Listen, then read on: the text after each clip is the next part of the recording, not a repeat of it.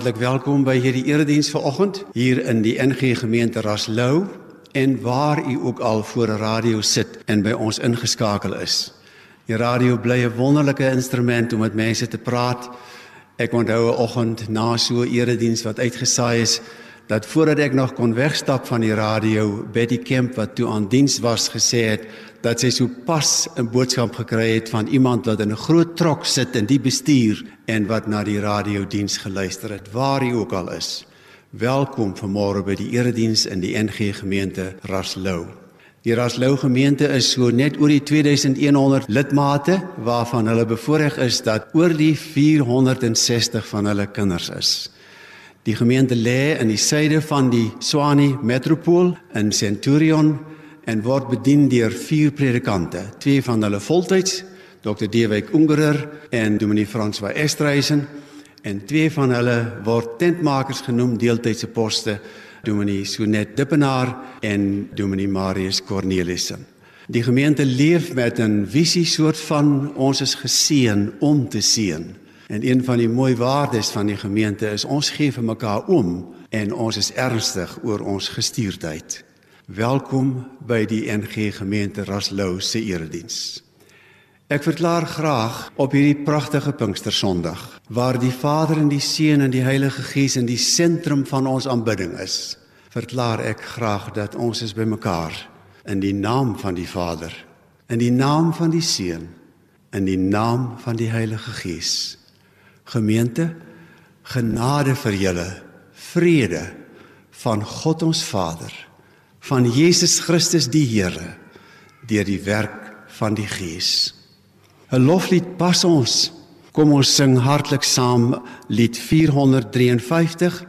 Ons gaan al drie die strofes daarvan sing as jy dalk iewers in 'n gesinnetjie sit voor die radio en jy het 'n boekie by u lied 453 die eerste 3 strofes. Thank you.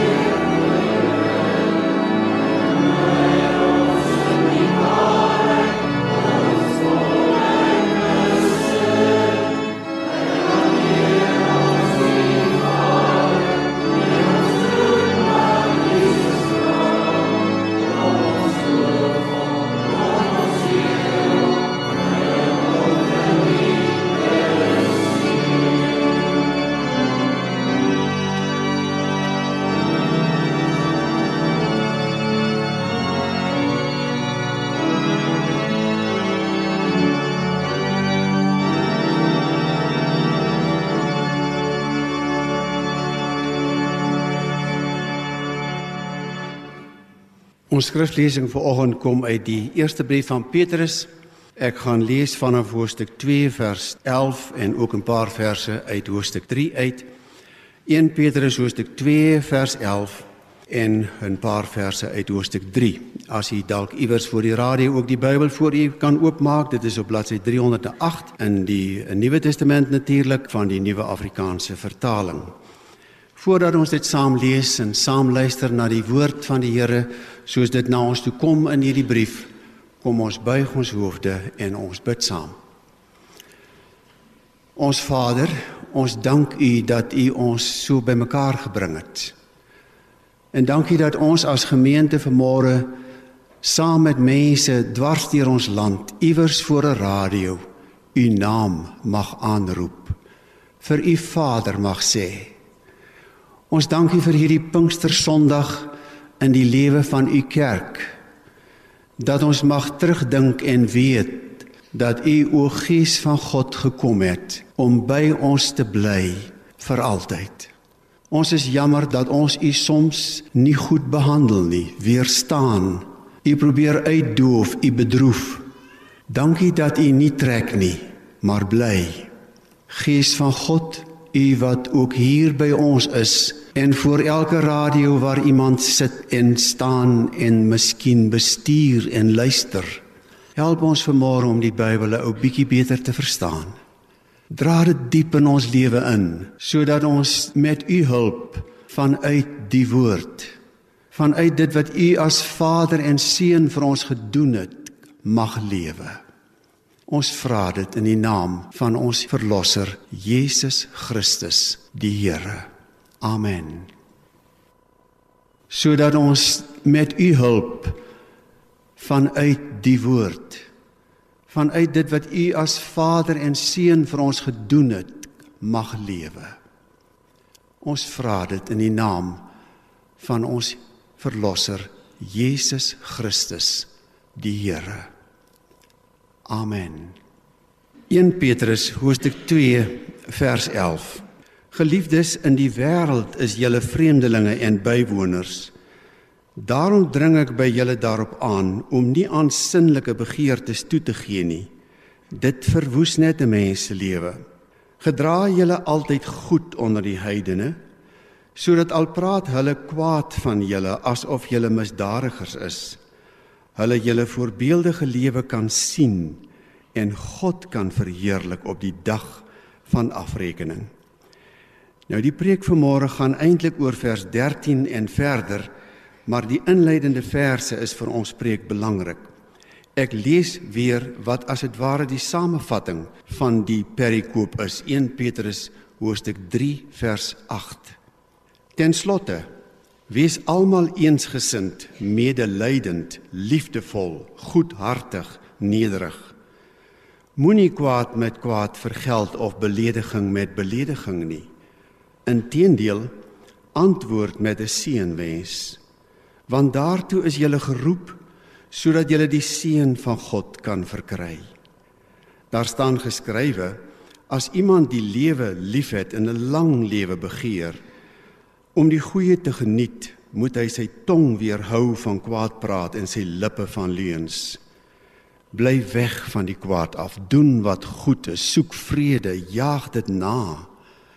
Die Here sorg vir die opregtes en luister na hulle hulpgeroep.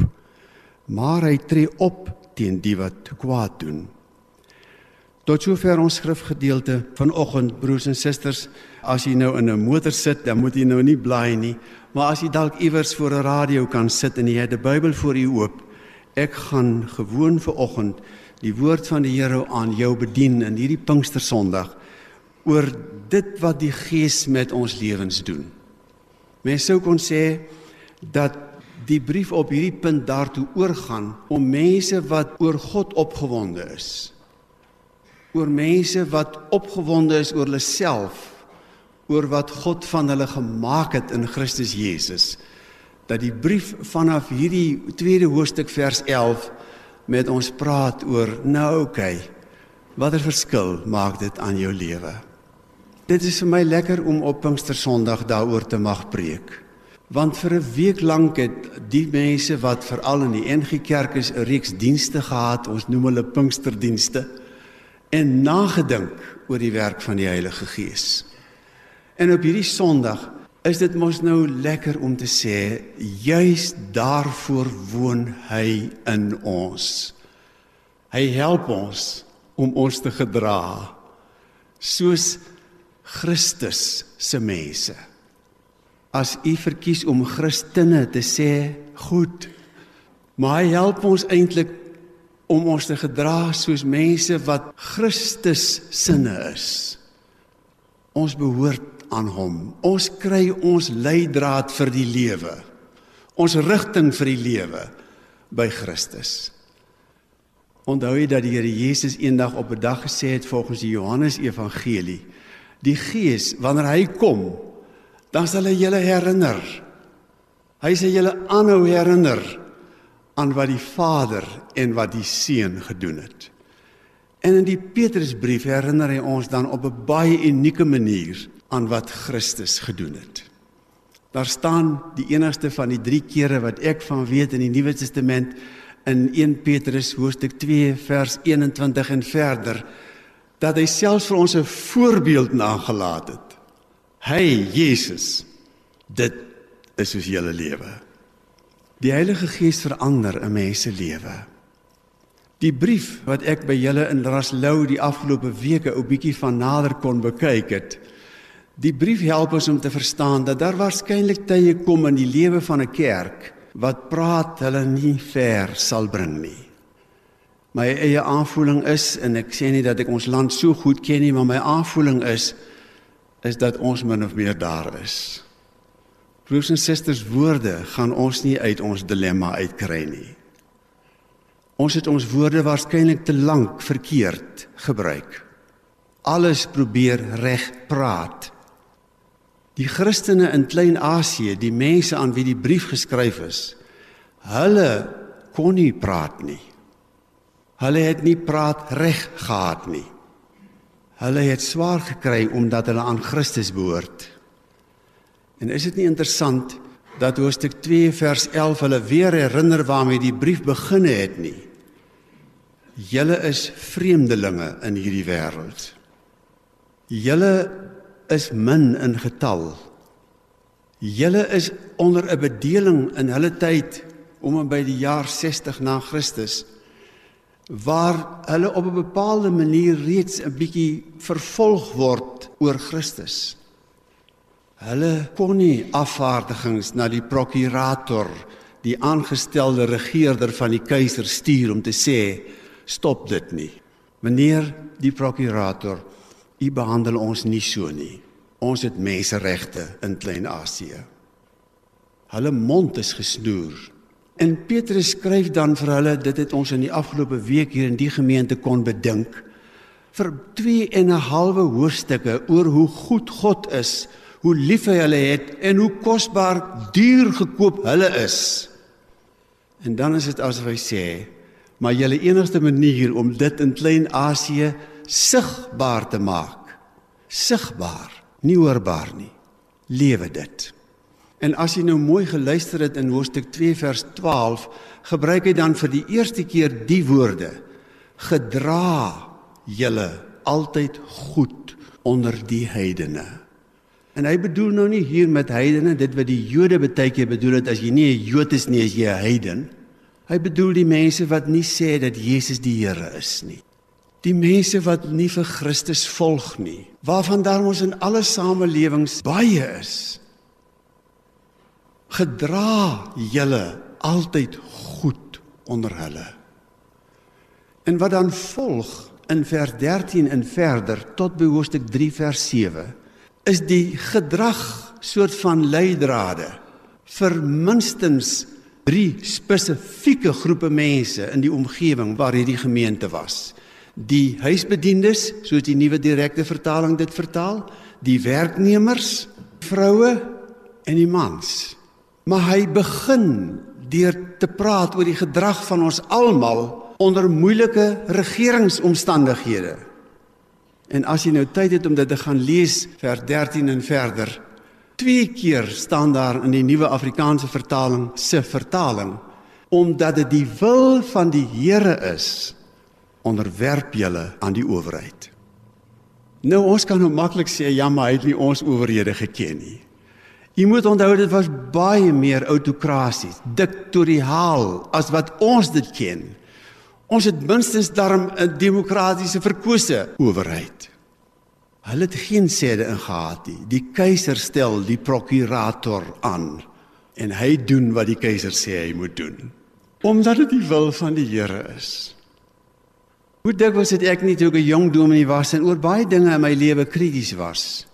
Ouer dominees vir my hoor sê dat as jy krities is teenoor die destydse regeringsstelsel, die apartheidbeleid, wat ook al, Melan onthou 1 Petrus onderwerp jou aan die owerheid.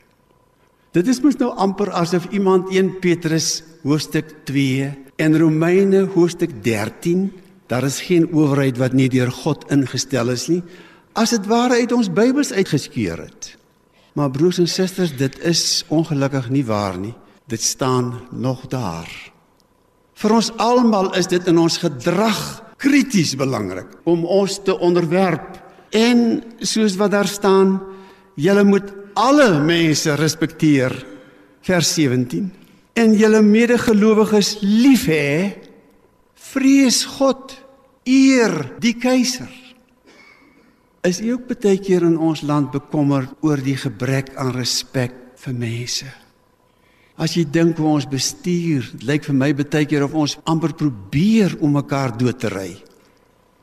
As jy waarneem hoe mense baie keer iemand wat hulle geld moet neem aan die einde van 'n lang tou by 'n supermark behandel. Een ding wat die Heilige Gees mos kom doen, hy help ons om ons menswees terug te kry en verklaar iemand die woord liefde in Matteus 5 vers 43, julle moet julle vyande lief hê respek vir die mens wees van 'n ander mens. Jy kan nie soos 'n Christen lewe sonder respek vir mense nie. Dit maak nie saak wie hulle is nie, hoe oud hulle is nie, watter geslag hulle is nie. Christene gedra hulle met respek vir ander mense. En dieselfde lyn loop dan deur wanneer hy die eerste spesifieke groep mense aanraak, die werk werknemers of die slawe of soos die nuwe direkte vertaling lei die huisbedienis. Daar loop dwars deur die teks iets van moet nou nie probeer om die orde om te gooi nie. Julle is nou slawe. Moet net nooit toelaat dat iemand julle moet sleg sê omdat julle sleg werk nie. As iemand waar jy werk met jou moeilikheid optel, asseblief laat dit tog wees omdat jy goed doen omdat jy so oordentlik werk, omdat jy so anders is, omdat jy getrou is, omdat jy daar is. Dis asof die liewe Here deur die Heilige Gees aan 'n mens iets teruggee van jou primêre verantwoordelikheid as mens. Jy het 'n skepingsopdrag. Jy het 'n taak om te doen en dit doen jy soos 'n Christen. 6 dae van die week is ons mos nie in kerkgeboue nie, maar in die alledaagse bestaan van hierdie land. Hoe sal mense tog weet dat die Here God ons in Christus deur die Gees verander het as dit nie op die manier waarop ons werk verantwoordelikheid aanvaar vir waar ons is duidelik word nie. Broers en susters, jy gaan dit nie reg gepraat kry as jy sleg werk nie. Die kwaliteit van my diens mag die sterkste boodskap wees wat ons in hierdie land het. Maak nie saak waar ek werk nie. En dis in hierdie verband wat hy dan vir Jesus intrek as 'n voorbeeld. Want hierdie werknemers aan wie hy skrywe, die was mos nou regtig slawe. Hulle het geen regte gehad nie.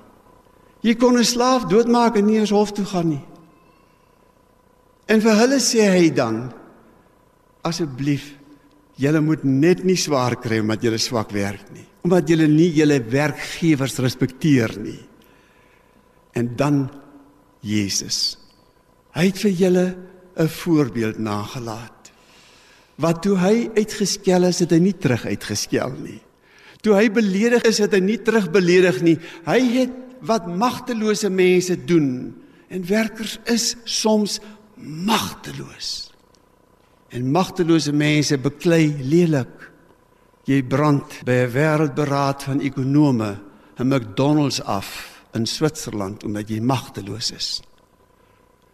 Jy brand in Suid-Afrika motors en busse en skole dikwels sommer net uit magteloosheid. Maar Jesus gee vir sy magtelose volgelinge 'n ander oplossing. Sê die Bybel. Hy het toe hy so was, nie teruggedreig nie, maar sy saak oorgehandig in die hande van God wat regverdig oordeel. Ek weet nie of al ooit so magteloos was dat jy besef ek kan niks doen nie.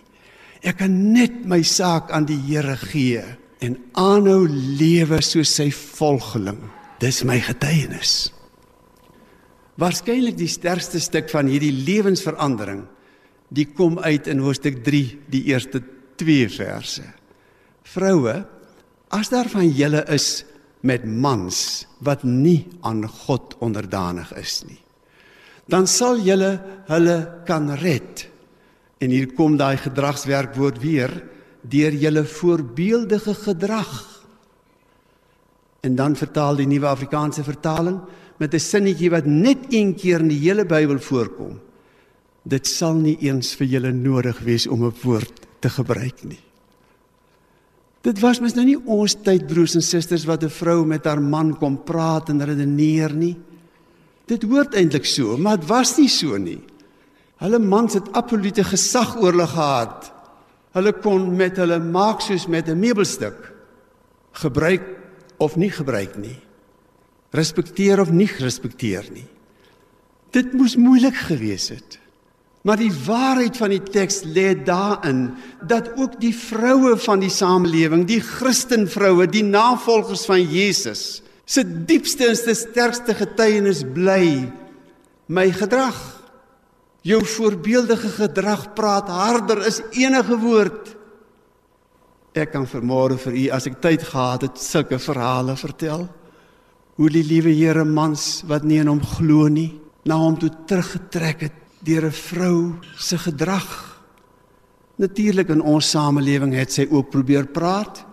Maar vrouens kom ook soms op die punt dat hulle in 'n gesinslewe so magteloos is dat hulle weet om met hierdie man van my verder te praat gaan my nie help nie. Maar ek kan aanhou om my soos 'n Christen te gedra.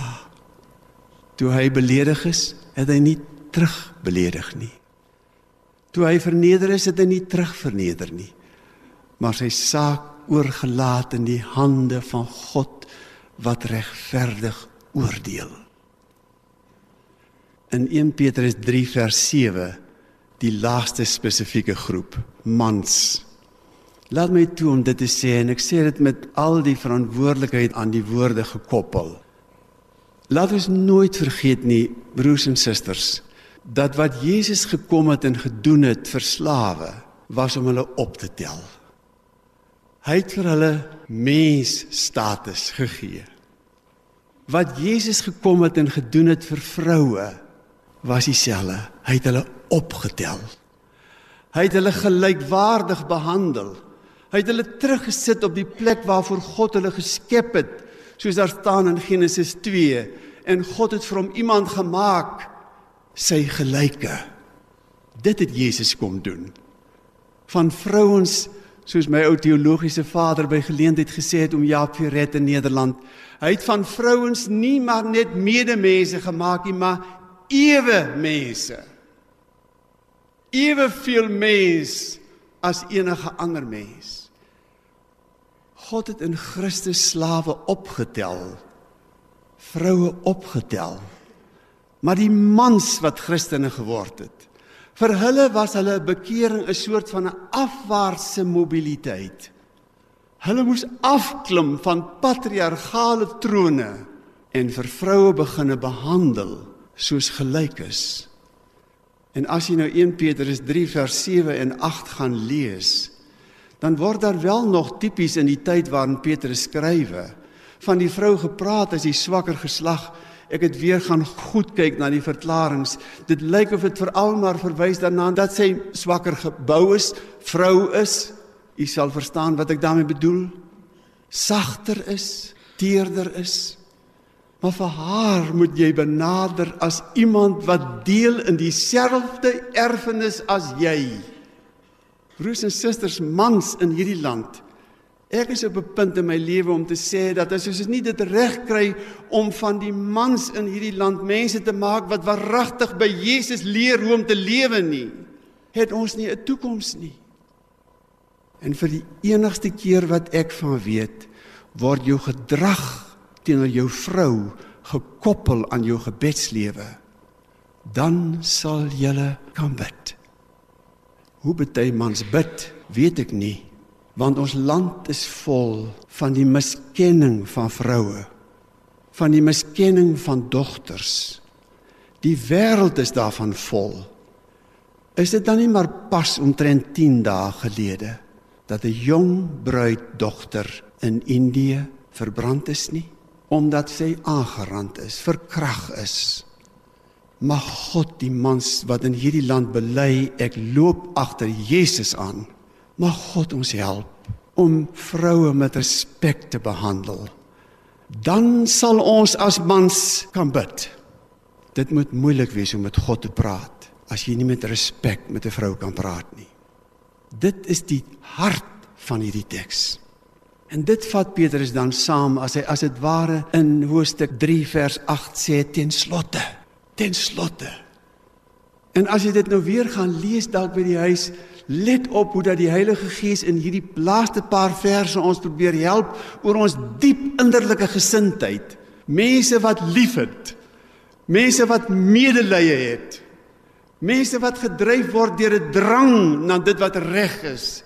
Die Bybelse woord geregtigheid. Christene sit hulle in.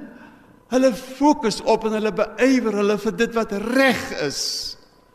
Want geen Christen in wie die Gees van God woon kan met vrede lewe as daar nie reg en geregtigheid aan mense geskied nie. Die liewe Here het mos sy kinders in hierdie land en in hierdie geskiedenis en in die wêreldse geskiedenis gebruik om situasies om te draai. Dit is hoekom die Gees in ons woon om ons daarmee te help. Nie maar om te sit te wag tot ons eendag in die nadoodse heerlikheid by hom is nie, maar om nou reeds 'n verskil te maak sodat daar tog iets waar is in 'n mooi land soos hierdie van hemel op aarde omdat ons ons gedra soos die een wat van die Vader na ons toe gekom het sodat ons as dit ware net weer kon leer by Jesus die mens hoe lewe 'n mens en ons toelaat met die krag van die Heilige Gees om die Jesus lewe te lewe amen ons Vader dankie dat u deur u gees in ons woon. Dankie dat u ons help om u woorde en die Here Jesus se woorde ernstig te neem. O Gees van God, leer ons om Jesus te volg elke dag in ons gedrag. Amen. Kom ons antwoord met 'n pragtige lied. Laat Here u vrede deur my vloei. Lied 284, ons sing al drie die strofes. Thank you.